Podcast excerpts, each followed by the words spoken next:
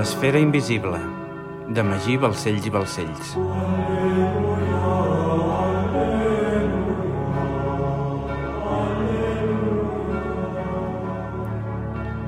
Capítol 13. Indicar l'hora. Dilluns, 24 de desembre de 1302. París, Regne de França. El fred era tan intens que el vapor d'aigua quedava glaçat a l'instant i es convertia en minúsculs cristalls perfectes en forma d'hexàgon.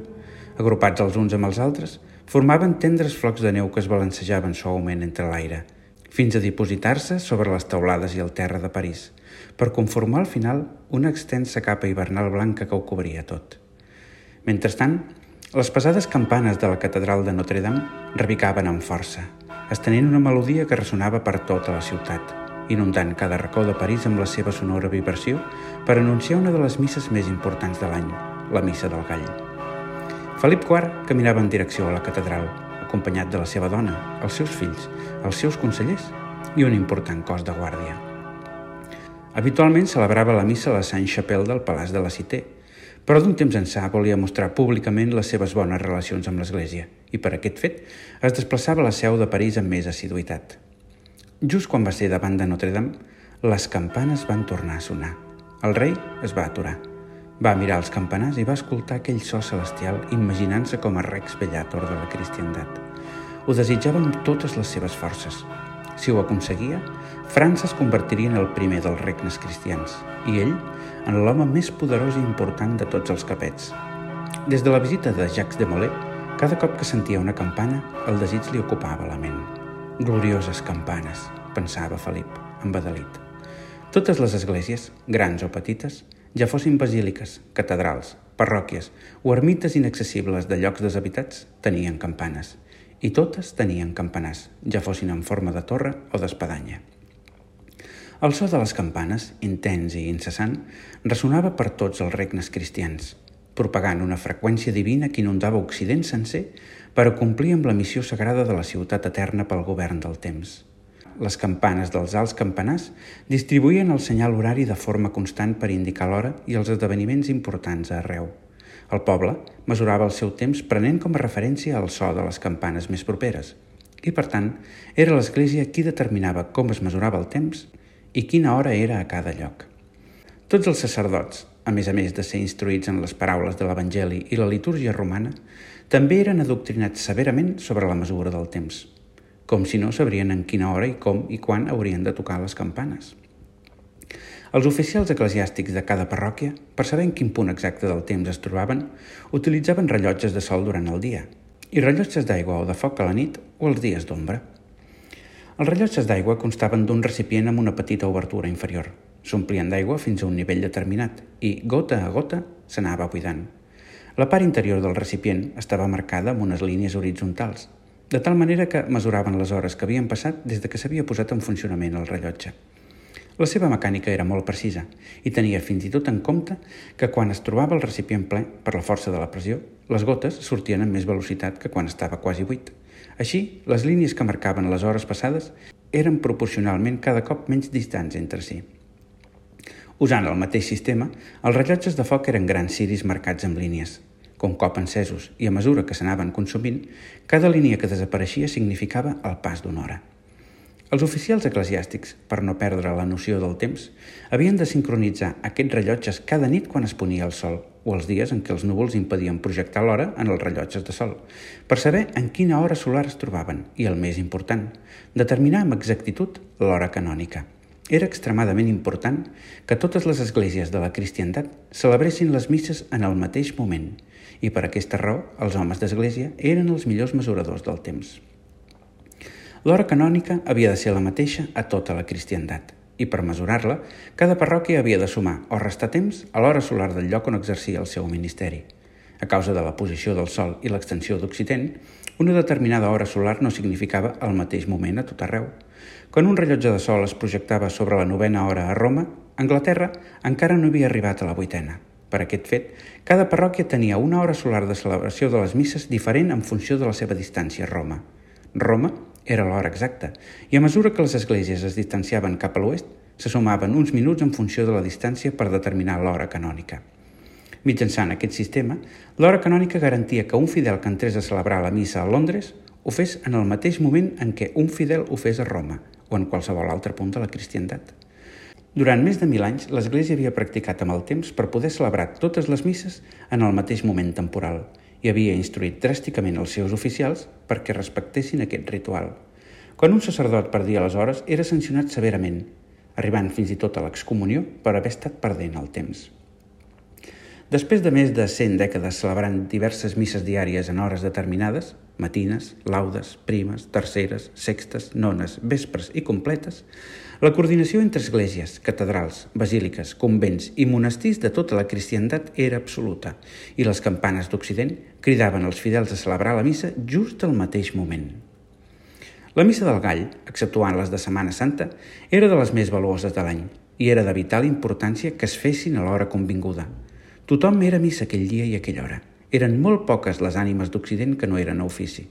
L'absoluta majoria dels homes i les dones dels regnes cristians eren a la seva església en aquell moment, vestits amb les seves millors gales i inundats d'un sentiment litúrgic absolutament transcendental. Una cinquena part de la humanitat escoltant les mateixes paraules en el mateix moment i experimentant el mateix sentiment de penediment i resignació comportava un estat de comunió humana tan significatiu que provocava una sensació d'èxtasi divina col·lectiva que influïa inevitablement sobre la resta d'individus del planeta. Felip IV i la seva família van avançar i van entrar a la immensa catedral. Per unes estretes escales van ascendir fins al pis superior, situat sobre les naus més estretes de la catedral, i es van dirigir als privilegiats i solitaris bancs destinats a la família reial francesa. Sa cristianíssima majestat, amb Felip IV, rei de França i Navarra, i comte de Xampanya i Brí, i la seva esposa, la reina Joana de Navarra, va anunciar en veu alta un oficial. Tots els presents es van girar en direcció a l'entrada – i van alçar el cap a l'estança reial, alhora que victorejaven els reis. Felip, radiant, somreia i saludava el poble. Vestit amb les seves millors gales, anava cobert amb una calenta i extensa capa de vellut blava sembrada de flors de lis daurades, un collaret preciós d'or i plata i una corona formada per un gruixut cercle d'or i pedres precioses, d'on sobresortien vuit flors de lis i coberta amb un bonet de vellut blau i vuit diademes amb perles que s'unien per enlairar una forma flordelisada que representava la cimera reial de França. El rei, des d'aquella altura, observava la multitud congregada a la nau principal, ni més ni menys que els homes més poderosos de París, magnats, burgesos, comerciants, nobles i mestres del gremi de constructors. Els gals de la zona ja celebraven les seves cerimònies religioses en aquest espai, i un cop conquerida la Gàlia per Juli Cèsar, els romans van alçar un temple dedicat a Júpiter en aquest mateix emplaçament. Va ser sobre aquest temple romà on es va construir la primera església cristiana de París, reformada a finals del segle X i derruïda el 1163 per alçar l'actual catedral, una obra mestra de l'arquitectura religiosa. De sobte, el cor catedralici va entonar el cant d'entrada i l'arcabisbe va avançar de forma cerimonial vestit amb una llarga casulla, exagerada, sostinguda per vuit escolans. Un cop a l'altar, i de cara als feligresos, va fer el símbol de la creu, va recordar a l'església reunida la presència del Senyor i va explicar el propòsit de la missa del gall en referència a la commemoració del naixement de Crist. Jo confesso a Déu Totpoderós i a vosaltres, germans, va anunciar l'arcabisbe. I tots els feligresos van seguir, que he pecat, per culpa meva, de pensament, paraula, obra i omissió, per la meva culpa, per la meva culpa, per la meva grandíssima culpa. Per això demano a la Verge Maria, Mare de Déu, als àngels i als sants i a vosaltres, germans, que pregueu per mi, a Déu nostre Senyor. Amén. Mentre recitaven aquestes paraules, tots i cadascun dels feligresos pensaven inevitablement en els seus pecats. I el sentiment de culpa i les emocions negatives els envaïen per complet, situant-los en completa posició de submissió a les paraules del sacerdot per obtenir la penitència. Tots els homes són pecadors per naturalesa, explicava l'arcabisbe. L'origen del pecat neix amb la desobediència d'Adam, temptat per Eva al jardí de l'Aden. Des d'aquell moment l'home perd la seva immortalitat i ha d'enfrontar-se a la mort. Des de llavors tots els homes naixem amb el pecat original dins nostre i l'única forma de redimir-nos d'ell és penedir-se i abraçar la Santa Mare Església, el germen del regne de Déu que ens conduirà de nou a la vida eterna. Els homes són pecadors per naturalesa, però Déu és misericordiós i és amor. És per això que volent-se reconciliar amb el gènere humà per establir una aliança nova i eterna, va enviar el seu fill, qui amb la seva mort i resurrecció Ens va ensenyar el camí per aconseguir una vida sense fi, lluny de l'infern. Només l'Església ens pot salvar dels turments de l'infern. L'infern és la pèrdua de Déu. Els pecadors de l'infern estan condemnats a romandre per sempre més immòbils, sense poder moure ni un dit, patint una incomoditat inimaginable. Els cossos es deformen en bubes i nafres fins a quedar en carn viva. No hi ha bellesa possible al regne de Lucifer. Tot es podreix i fa una pudor nauseabunda de cadàver descompost. L'infern és un patiment perpetu que ens porta l'odi, les malediccions, les blasfèmies i la por eterna. Això és el que els espera a tots aquells que morin en pecat. Per això us dic que verseu la fe de Crist. Podem ser alliberats de la mort i de la culpa en acceptar el do gratuït de Jesús i retre la nostra vida a ell. Aquells que vulguin salvar-se rebran la misericòrdia divina. I el primer pas per fer-ho és penedir-se de forma sincera i demanar a Déu que tingui pietat de nosaltres. Repetiu amb mi, va estendre els braços i va alçar el cap tot mirant la clau de volta. Senyor, tingueu pietat. Crist, tingueu pietat, van respondre els feligresos. Senyor, font de llum i creador de totes les coses, tingueu pietat de nosaltres, va repetir l'arcabisbe. Crist, tingueu pietat, van respondre els feligresos. Crist, veritable Déu i veritable home, tingueu pietat de nosaltres. Crist, tingueu pietat, van respondre els feligresos. Arribat a aquest punt del ritual litúrgic romà, la por a morir en pecat produïa un opressiu sentiment de culpa a la immensa majoria de fidels que es traduïa en una exagerada sensació d'inferioritat, suficient per inhabilitar qualsevol mena d'esperit crític o somni alliberador. La culpabilitat, repetida fins a l'extenuació, envaïa els pensaments dels fidels per preparar-los a acceptar amb resignació la llosa que Nostre Senyor els enviava i fer-los sentir mereixedors, a causa de les seves culpes, de la miserable vida que els havia tocat viure. Preparats ja per deixar-se abraçar per les sàvies paraules de la Santa Mare Església, el cor va entonar el Glòria in excelsis Déu, mentre Felip IV tancava els ulls i es deixava endur per aquella harmoniosa melodia. Podia sentir la presència de Déu mitjançant aquella música. Estava tranquil, alegre i reposat. Però de sobte, un cop conclòs el cant, va sentir. Procedirem ara a la lectura de la butlla del papa Bonifaci VIII. El rei va canviar la cara per complet, expectant. Va mirar Guillem de Nogaret i aquest li va fer un símbol amb les mans, com donant a entendre que havien d'esperar escoltar què deia el papa. Felip i Nogaret eren conscients que Bonifaci estava treballant en una butlla i ja feia dies que miraven d'esbrinar-ne el contingut, però en cap cas preveien que aquesta ja estaria enllestida ni que seria llegida davant del poble. Aquell fet els va venir totalment per sorpresa. Ni per un moment haurien imaginat que en plena missa del gall, davant de tot París, es llegiria la butlla. Bonifaci havia triat la missa del gall per fer pública la seva butlla de forma simultània a totes les esglésies de la cristiandat. Unam santam, va dir l'arcabisbe, anunciant la butlla. Per constrenyiment de la fe, estem obligats a creure i mantenir que hi ha una sola i santa Església catòlica i apostòlica, i nosaltres fermament ho creiem i simplement ho confessem. Fora d'ella no hi ha salvació ni perdó dels pecats. La Santa Mare Església de Roma representa un sol cos místic, el cap de la qual és Crist, Déu omnipotent. En ella hi ha un sol Senyor, una sola fe i un sol baptisme. L'Església és una i única i té un sol cos i un sol cap, Crist i el seu vicari.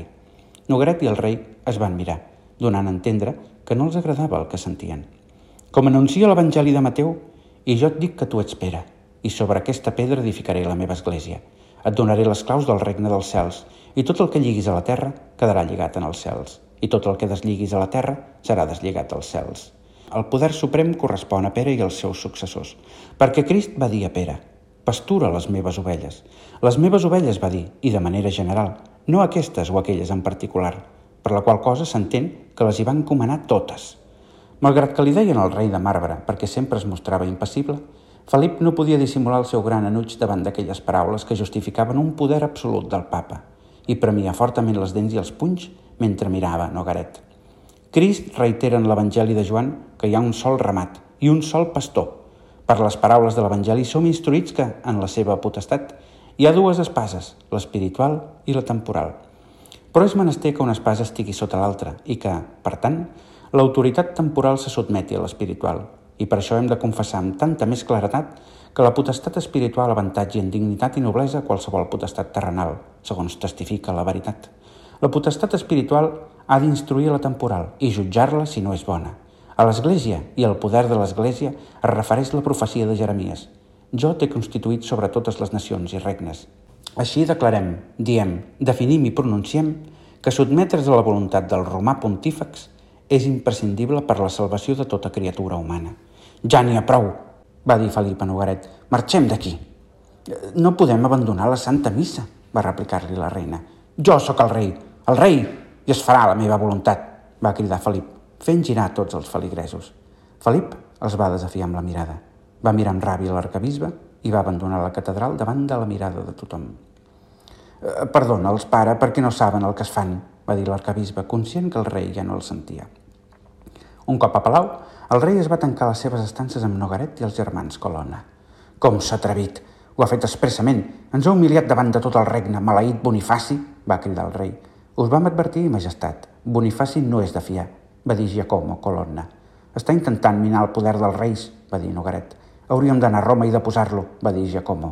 Esteu boig? Això seria una declaració de guerra que la resta de reis cristians aprofitarien per anar contra nosaltres. Què creieu que faria el Sacre Imperi, Anglaterra, Castella o Aragó? va dir Nogaret. I Bertran de Got, com és possible que no ens hagi avisat? va preguntar el rei, irat. Bertran no és a Bordeus per oficiar la missa del gall. Havia d'assistir a no sé quin collons de concili, va explicar Nogaret. Bonifaci ho ha fet expressament perquè ens vingués de nou.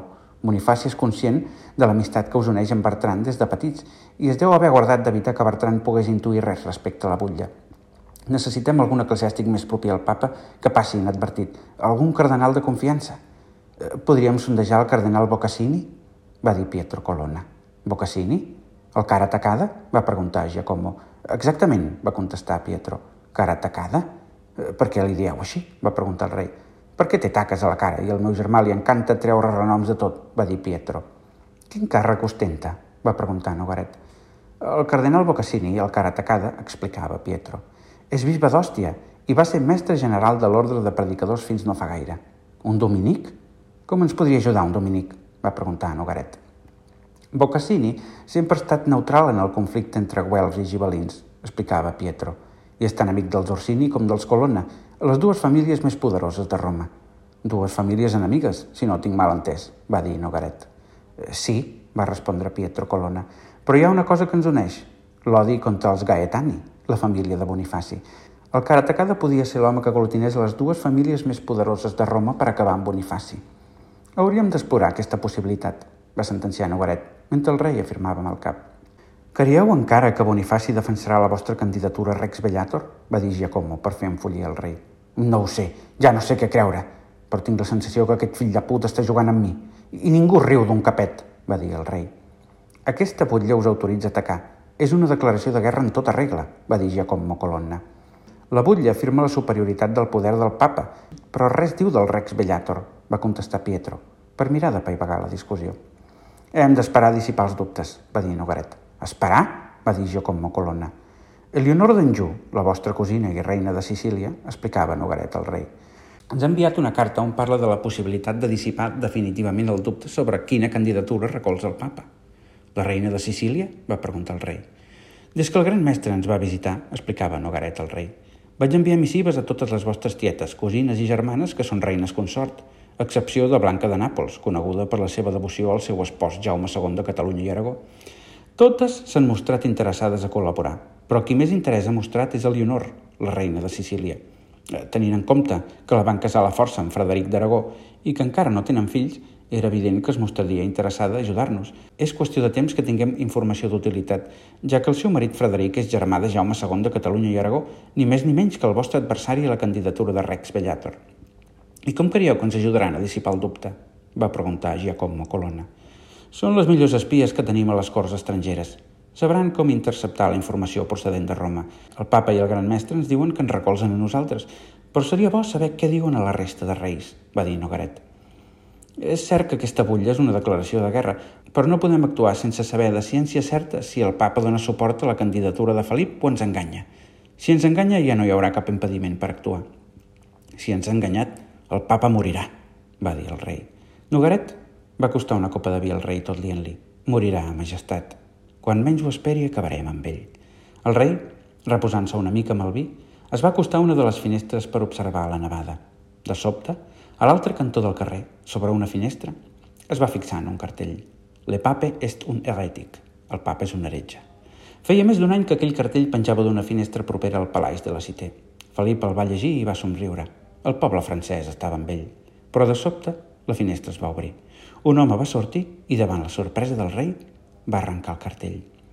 Sense advertir que Felip l'estava observant, l'home va trencar la corcada fusta i la va tirar al foc. Acostant-se per tancar la finestra, va veure el rei a l'altra banda del carrer. L'home va fer una reverència i va tancar la finestra. Felip va pensar llavors en la missa del gall i la butlla llegida a totes les esglésies de la cristiandat i va maleir a Bonifaci ple de ràbia.